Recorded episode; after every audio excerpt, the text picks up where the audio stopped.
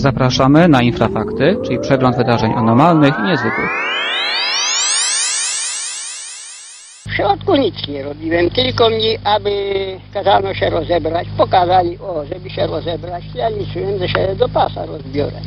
Rozebrałem się do pasa, kazano mi do spodu, pokazali ręcami. No i rozebrałem się do naga. Jeden z tych, co ze mną wjechał, podniósł mi rękę do góry.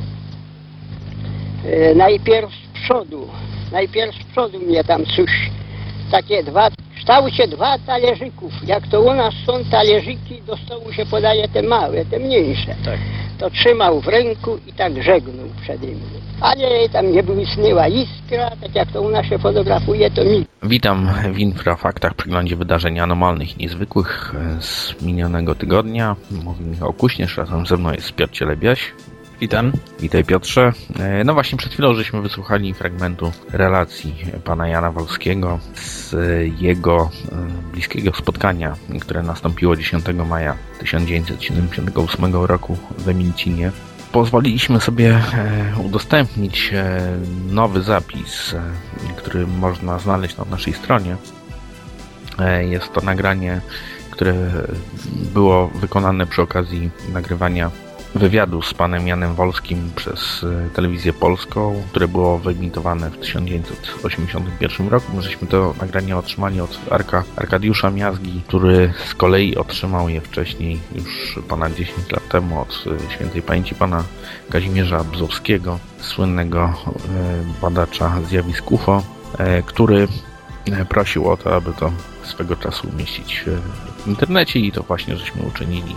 Także dziękujemy bardzo Arkowi za udostępnienie tego zapisu.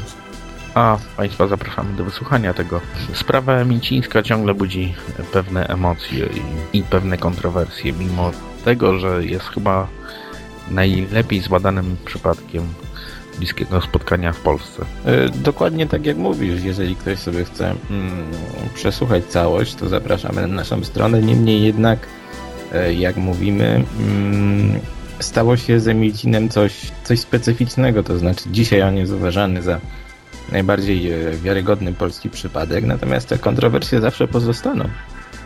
Prawda też jest taka, że wiele osób próbuje coś nowego dodawać do Emilcina, a to jest po prostu niemożliwe. Dlatego co jakiś czas natykamy się po prostu na jakieś e, dziwaczne opowieści o tym, jak to w pobliżu pomnika Wolskiego w Emilcinie straszy, e, a to jak dzieją się różne inne dziwne No, rzeczy. albo słuchać dziwne buczenie. Tak, y, i to jest dowód na to, że po prostu przypadek stanowi podstawę do e, dalszego bicia piany. Natomiast im więcej takich akcji, im więcej takich opowieści, tym bardziej rozmywana jest, rozmywany jest pierwotny problem, czyli to spotkanie z maja mm, 1978 roku. No dokładnie. Znaczy ja zapraszam Państwa do nie tylko do wysłuchania tego nagrania, e, ale też do dyskusji na naszym forum, bowiem ona stała się dosyć e, taka gorąca e, i do właśnie wyrażenia swojego zdania. W zasadzie już teraz, bo przecież nie dość, że odszedł e, pan Jan Wolski, jak też e, odeszli badacze, którzy tym się zajmowali, przede wszystkim pan Zbigniew e, Blania-Bolnar. Trudno mówić tutaj o czymś nowym, do czego byśmy doszli i pozostają nam te prace, które, które są i które można na różny sposób analizować, ale myślę, że ten przypadek jednak tak czy inaczej wciąż pozostanie pewną zagadką, co tak naprawdę spotkało wtedy e, wczesnym rankiem 10 maja pana e, Jana Wolskiego. Jeśli już mówimy o UFO, mm, o zjawisku UFO, e, to może warto powiedzieć o tym, co pojawiło się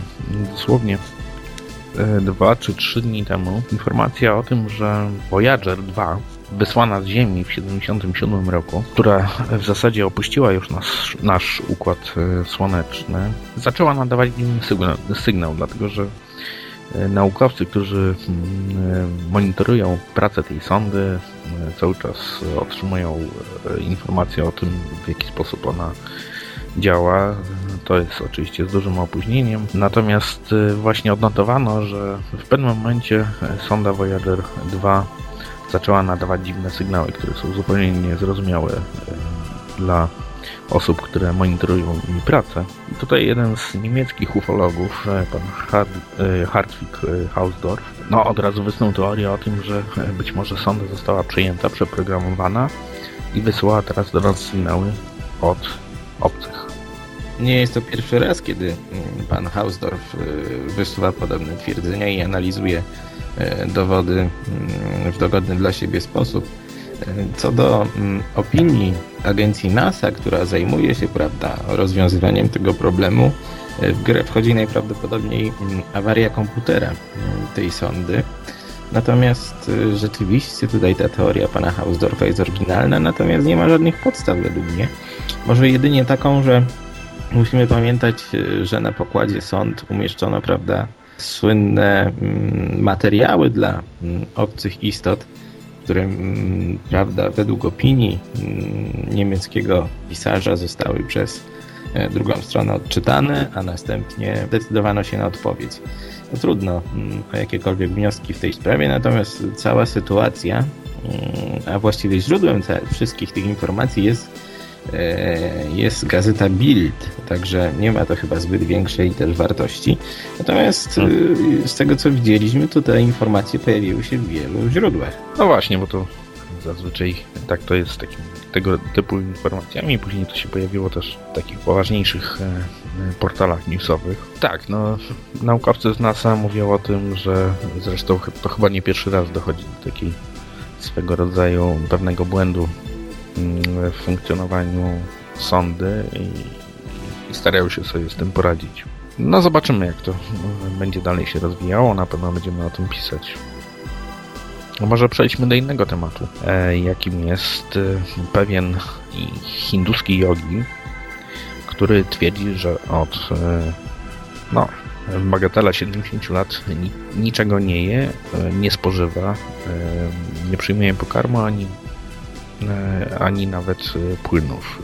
E, a nadal żyje, ma 83 lata. Za pana Prachlada Janiego wzięli się naukowcy hinduscy, którzy postanowili go zbadać, a to w takim celu, aby ustalić, czy rzeczywiście osoba może w ten sposób funkcjonować i jak tutaj nie trudno się domyślić, można to ewentualne potwierdzenie tego wykorzystać w no, jakby nie było po prostu w e, wojsku. No tak, my już mówiliśmy o tym panu mm, bodajże dwa tygodnie temu, natomiast dziś pojawiły się pierwsze wnioski z tego badania.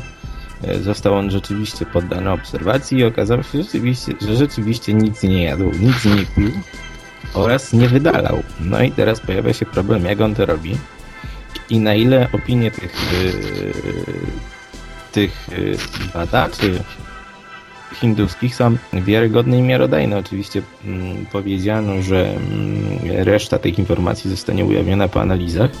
Natomiast zawsze pozostaje taki pewien, mm, może nie niedosyt, tylko taka pewna obawa związana z tym, że na prawda wiarygodność tych, mm, tych wyników wpływać może osobiste nastawienie hinduskich lekarzy. A pamiętajmy, hmm. że pozycja takich świętych mężów w hinduskim społeczeństwie jest wysoka. Tu pojawia się taka mm, jakby hinduska wersja naszego cudu w Sokółce, kiedy to prawda katolicy uczeni również y, zobaczyli w pleśni czegoś tak. coś zupełnie innego. Natomiast y, rzeczywiście tutaj nawet jeden z lekarzy, który badał jogina stwierdził, że odżywia się on między innymi energią słoneczną.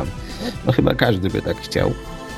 Tak, dokładnie właśnie o tym chciałem powiedzieć, że no tak, energia słońca i po prostu wszystko e, e, chodzi jak należy. E, no zobaczymy, co, jakie jeszcze będą dalsze wnioski wynikające z przykładu pana Janiego. On ma się dobrze rzeczywiście. Można zobaczyć zdjęcie jego na naszym forum. Ale wcześniej były takie też przypadki tak zwanych nijadków. Tylko, że one zazwyczaj kończyły się tym, że odkrywano, że to jednak były swego rodzaju mistyfikacje. Dokładnie tak, ale tych przypadków było wiele, już kiedyś mnie poruszaliśmy, natomiast byli to najczęściej mistycy, tacy czy inni. I tutaj ten aspekt religijny odgrywał dużą rolę. Natomiast jeżeli już mówimy o tych zjawiskach z pogranicza religii, to przejdźmy może do y, kwestii cudów, bowiem w tym e, tygodniu wypadła nam kolejna rocznica mm, słynnego cudu w Fatimie. Tak. który, który do dziś budzi kontrowersje. Na naszych stronach opublikowaliśmy artykuł autorstwa słynnego analityka i badacza zjawisk paranormalnych Joe Nickela, który twierdzi, że znaczy twierdzi podobnie jak wiele innych osób, że tak naprawdę doszło tutaj w tej sprawie do jednej wielkiej machinacji kościelnej, a w centrum uwagi mm, i w centrum tego zdarzenia wcale nie stoi Matka Boska, tylko y, jedna z wizjonerek, y, Lucia dos Santos, mm, mhm. która być może po prostu sprytnie manipulowała e, tak samo pozostałą dwójką wizjonerów, jak i, mm, jak i opinią publiczną. Tak, no nie zapominajmy o tym, że e, Lucja e, tak naprawdę została odseparowana od świata w swoich e, wizjach i pozostały tylko świadectwa pisemne po niej, które można różnie interpretować. E, tutaj też w tym tygodniu przecież papież Benedykt XVI udał się do Fatimy właśnie w rocznicę tych wydarzeń i mówił o tym, że ponieważ ta trzecia tajemnica fatimska ciągle rozpala pewne emocje i domysły, i tu mówił o tym, że mm, ten skandal, który ma miejsce teraz e, w kościele katolickim, związany, związany z e, pewnymi przypadkami pedofilii, e, właśnie jest tą tajemnicą trzecią. No tak, ale nie zapominajmy, że te tajemnice właściwie powstały w czasie, kiedy e, siostra Łucja znajdowała się w zakonie i jak tutaj wiele zwróciło uwagę, one tak w rzeczywistości były dopasowane nie tylko do wydarzeń, jakie miały miejsce w czasie ich ogłaszania, ale tak e, naprawdę powstawały po faktach, e, których dotyczyły, także to nie były żadne przepowiednie. Natomiast rzeczywiście fakt, prawda jest taka, że ta tajemnica fatimska trzecia to jest taki taki bardzo sprytny wynalazek, bo ona zawiera to wszystko, z czym Kościół ma problemy. Pamiętamy, że znajdował się tam przecież element mówiący o rzekomo o papieżu, prawda, o zamachu na Jana Pawła II, teraz pojawia się kwestia pedofilii. No bardzo ciekawe to jest, tylko mm, na ile daje to nam, prawda, obraz tego, jak Kościół postępował z wydarzeniami w Fatimie i jak bardzo starał się e, zinterpretować to wszystko, co się tam stało, bo nie możemy jednak wykluczyć, że tam doszło do takiego zjawiska paranormalnego. W jaki sposób starał się to zinterpretować w ramach prawda, religijnych. Tak, dokładnie. No, zresztą o Fatimie mamy nie jeden artykuł na ten temat. Jednym z, z nich jest e, twój wywiad z panem profesorem Fernandesem, który twierdzi wręcz, że e, tam wcale nie doszło do objawienia maryjnego, tylko po prostu do bliskiego spotkania trzeciego stopnia, ale to zapraszam Państwa do e, lektury tych artykułów, a może jeszcze skoro jesteśmy przy tych tematach religijnych, przejdźmy do pewnego cudu, który się wydarzył e, w Darabi, w, e, w Pakistanie. Cud jest o tyle ciekawy, że e, to jest cud islamski, nie katolicki. My, znaczy my, tutaj ludzie pochodzący z, z tej kultury europejskiej jesteśmy przekonani o tym, że wszelkie cuda przynależą się chrześcijanom, a tymczasem wyznawcy Muhammeda mają też swoje cuda. No tak, tylko że zwykle są to cuda takiej mniejszej skali, bo jeżeli podaliśmy tu za przykład Fatimę, to te islamskie cuda są zwykle bardziej ograniczone. One się na przykład znajdują wyraz w jakiejś paraidoli, w jakichś cudownych napisach. E, natomiast w tym przypadku z Pakistanu sprawa była jeszcze bardziej skomplikowana, bowiem okazało się, że pojawiło się coś w rodzaju świetlistego e, świetlistej formy, która miała być, e, no nie wiem, odbiciem stopy świętego proroka. Nagle zlecieli się ludzie, zaczęli otaczać to czcią, natomiast w, w kwestii, prawda, znaczy wedle, teoretycznie według islamu, takie przypadki mm, oddawania czci cudom są, no, Mm, bałwochwalstwem. Natomiast był to przykład takiej ludowej religijności. Niestety okazało się, że to, co miało być świecącym odbiciem stopy świętego proroka, było tak naprawdę mm, samoczynnym zapaleniem się metanu, który powstał w wyniku rozkładu jakichś substancji organicznych. Także cały cud e, szlak trafił. Natomiast jak powiedziałeś, rzeczywiście wielu osobom się wydaje, że te cuda ograniczają się tutaj do świata mm, chrześcijańskiego. Natomiast y, nie możemy zapominać o cudach na przykład hinduskich. Y, Parę lat temu było słynne wydarzenie y, związane z piciem mleka przez hinduskie figury. Kiedyś może Mhm. tym, się, tym się zajmiemy. Tak. No i te wszelkie cuda islamskie. Kiedyś poruszaliśmy na, na przykład temat wersetów z Koranu, które pojawiają się na ciele jakiegoś chłopca w Dagestanie. Niestety mm, trzeba stwierdzić, że wszystkie cuda islamskie mm, oraz inne miały często, były często tak samo mm, podejrzane jak e, ich odpowiedniki w chrześcijaństwie. Niestety musimy to powiedzieć, bo zwykle mm, w przypadkach cudów istnieje taka specyficzna zmowa milczenia związana z tym, że są one uznane prawda, za mm, prawdziwe i niepodważalne, natomiast y, trzeba akcentować w nich też również mm, tą sprawę, znaczy właściwie ich wymiar propagandowy, o tym musimy pamiętać. Mhm. No tak, a wszystko to sprowadza- sprowadzając do jednego zdania, można powiedzieć, że człowiek zobaczy to, co chce widzieć. Mm, Ja zachęcam Państwa do mm, przeczytania tych artykułów, o których żeśmy wspomnieli. Jest również e, w Radio Wolne Media. e, Zaraz po infrafaktach będzie też imitowany zapis e, naszego czatu, który żeśmy zorganizowali właśnie w rocznicy spotkania Mięcińskiego. Także e, zachęcam do wysłuchania tam wypowiedzi.